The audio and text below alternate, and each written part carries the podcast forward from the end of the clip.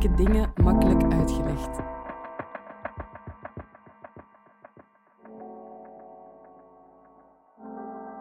Dit is de podcast van Moeilijke dingen makkelijk uitgelegd. Wie de wereld wilt verbeteren, moet wel begrijpen hoe die werkt. Daarom laten we in Moeilijke dingen makkelijk uitgelegd een expert 10 minuten aan het woord om een complex onderwerp uit te leggen. Deze keer vertelt journaliste Sarah van Doornen hoe de mode-industrie omgaat met de coronacrisis. Um, ik wil graag beginnen met een bekentenis eigenlijk. Wat, wat jullie niet kunnen zien in dit soort ja, typische online meetings is mijn volledige outfit. En ik ben zo'n beetje een schaamteloos persoon soms, dus ik ga nu zonder schroom zeggen dat ik een pyjama broek aan heb vandaag. Um, dat gebeurt wel vaker bij telewerk, denk ik. Uh, het zal misschien herkenbaar klinken dat niet iedereen zijn meest modieuze uh, outfit uh, aangedaan heeft de afgelopen tijd om in ons kot. Misschien hebben we daardoor allemaal wat meer nagedacht over wat er dan juist wel in onze kleerkast hangt. Um, en en wat, wat we daar minder voor nodig hebben. Um, nog gênanter, ik heb niet enkel een pyjama broek aan, ik heb daarboven nog een andere broek aan, omdat waar ik ben momenteel redelijk koud is.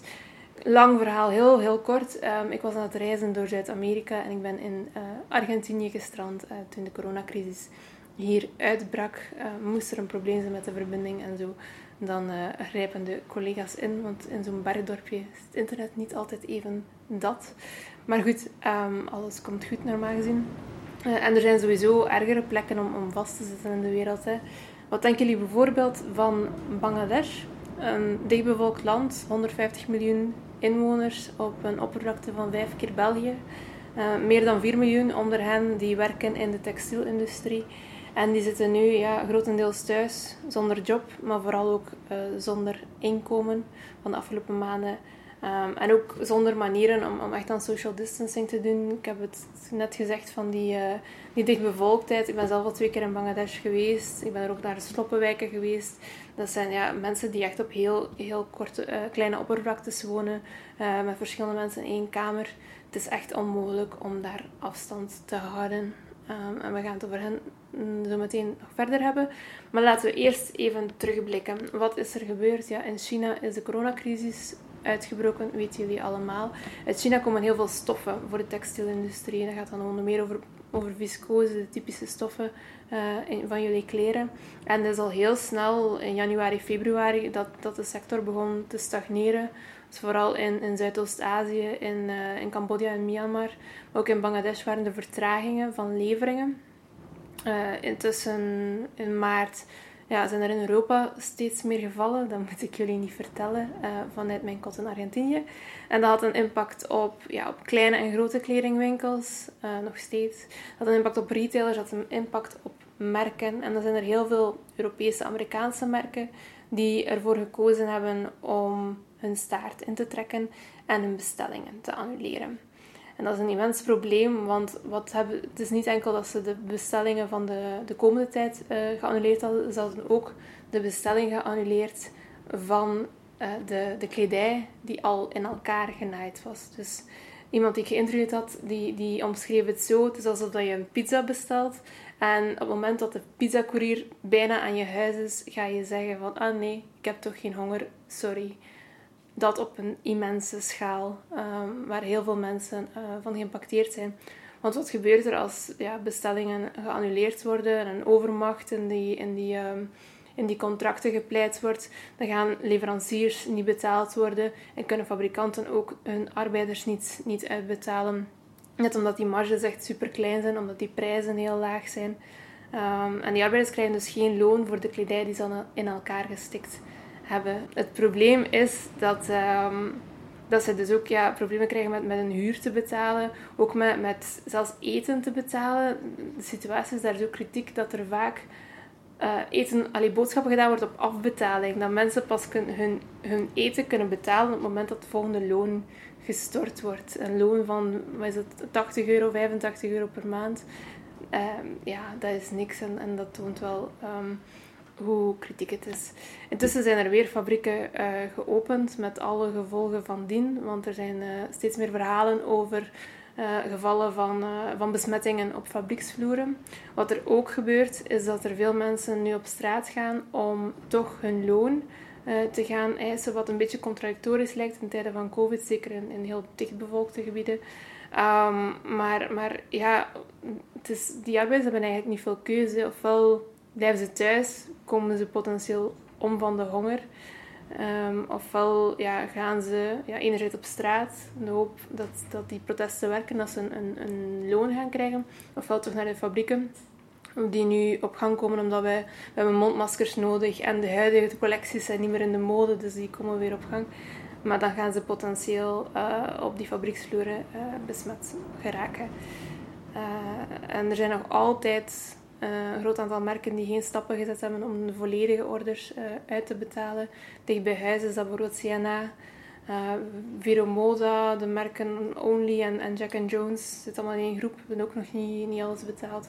En ook Primark, de winkel waar dat we allemaal naartoe gegaan zijn. Op het moment dat, niet allemaal, maar dat er wel een overrompeling was. Op het moment dat, dat de winkels weer open gingen, die hebben ook nog niet alles betaald. Um, ik wil graag tussendoor benadrukken dat het geen verhaal is van liefdadigheid. Het gaat echt gewoon om, om, om de basis. Het gaat om contracten naleven. Het gaat om die pizza die al besteld was. Um, en, en ik merk wel dat, dat ik, terwijl ik kan praten met merk ik dat, ik dat ik een beetje... Dat ik waarschijnlijk heel pessimistisch overkom. Maar het is, het is, volgens mij is, het, is dit de enige manier om, om dit verhaal te vertellen. Om, om de ware impact te tonen op, op die, dat ons consumptiepatroon eigenlijk heeft op, op andere mensen. En door corona zijn we ook steeds meer ja, weten we steeds meer hoe belangrijk het is om, um, hoe belangrijk andere mensen rondom ons, ons zijn. We hebben, we hebben, veel mensen gemist, we hebben contacten gemist. Die verbondenheid met andere mensen is, is zo nodig. We zijn ook verbonden met mensen aan de andere kant van de wereld door een stuk stof.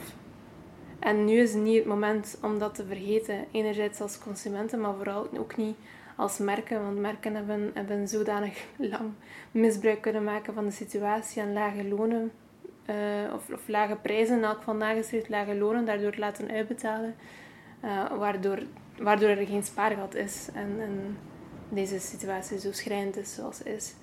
Um, ik denk dat het nu ook een moment is om een breder verhaal te vertellen. Want ik, spreek al over, over protesten in Zuidoost-Azië um, en, ja, in, allerlei productielanden.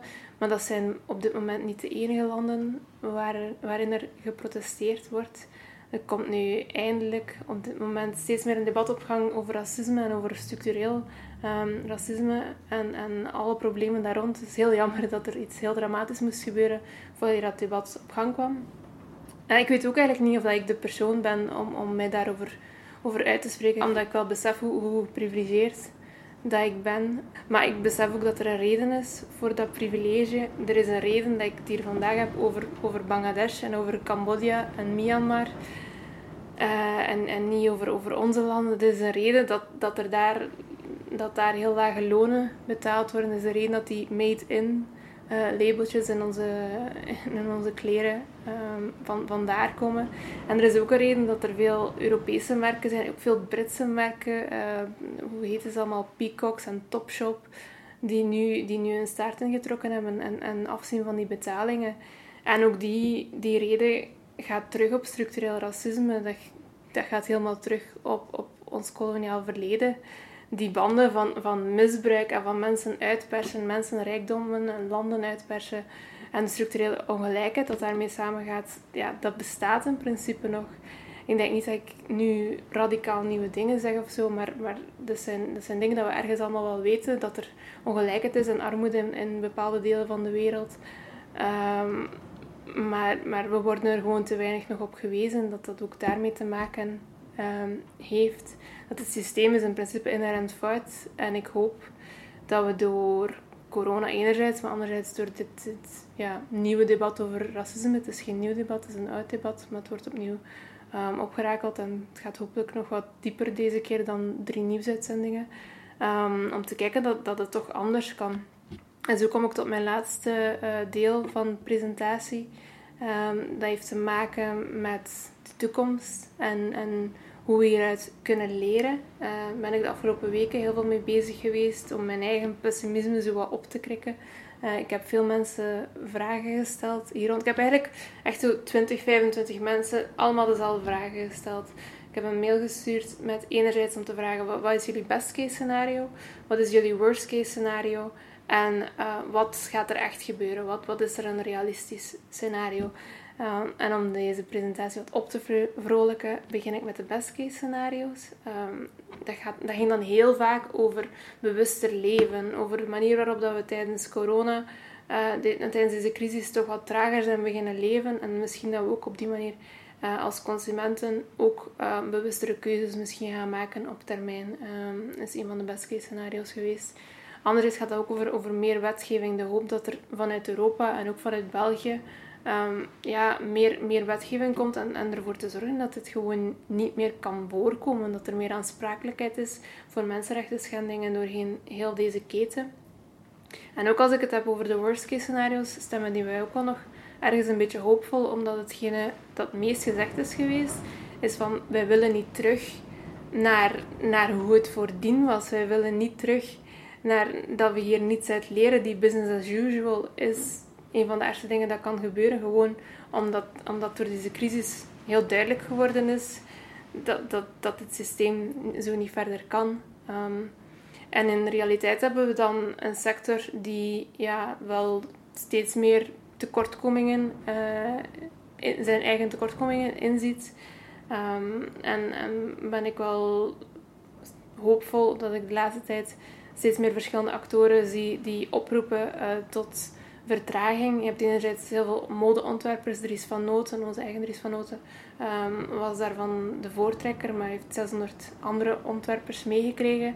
Maar ook luxe merken, moderaden die modeshows mee organiseren, die roepen nu allemaal op tot om maximaal twee collecties per jaar uh, uit te brengen. Dus, dus minder collecties. Het gaat ook over minder hoeveelheid. Um, wat ook wel uh, goed zou zijn natuurlijk voor, voor het milieu.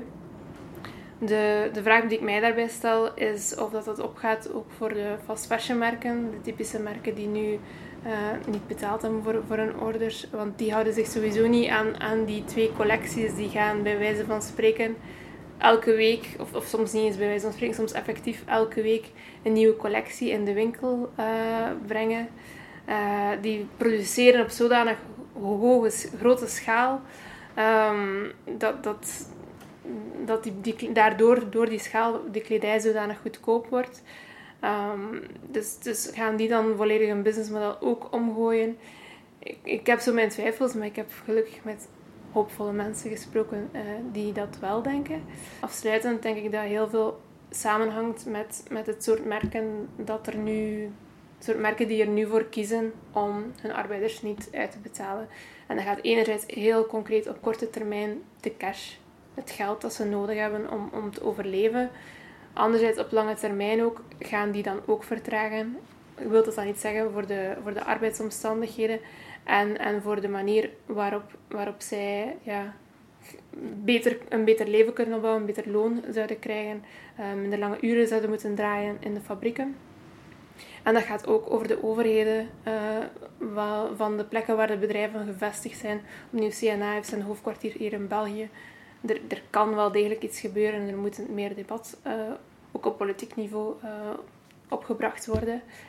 Ik hoop in elk geval mee met al die optimistische mensen die ik heb kunnen interviewen, dat we op zijn minst zelf als consumenten kunnen vertragen. Dat we kunnen kijken in onze kleerkast wat er allemaal in hangt. Niet om per se zelf zo die combinatie van uh, pyjama broek en broek erover te doen. Dat is eigenlijk toch niet echt in zicht niet om alles weg te doen wat er juist in hangt uh, en dan het dan uh, kunnen volstaan met nieuw grief. Dat is niet de bedoeling.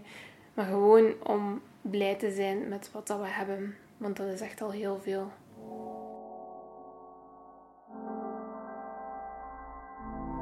Je luisterde naar Moeilijke Dingen Makkelijk Uitgelegd.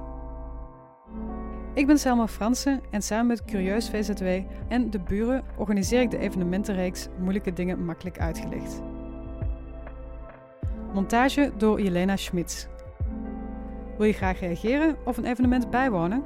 Kijk dan op de Facebookpagina van Moeilijke Dingen Makkelijk Uitgelegd.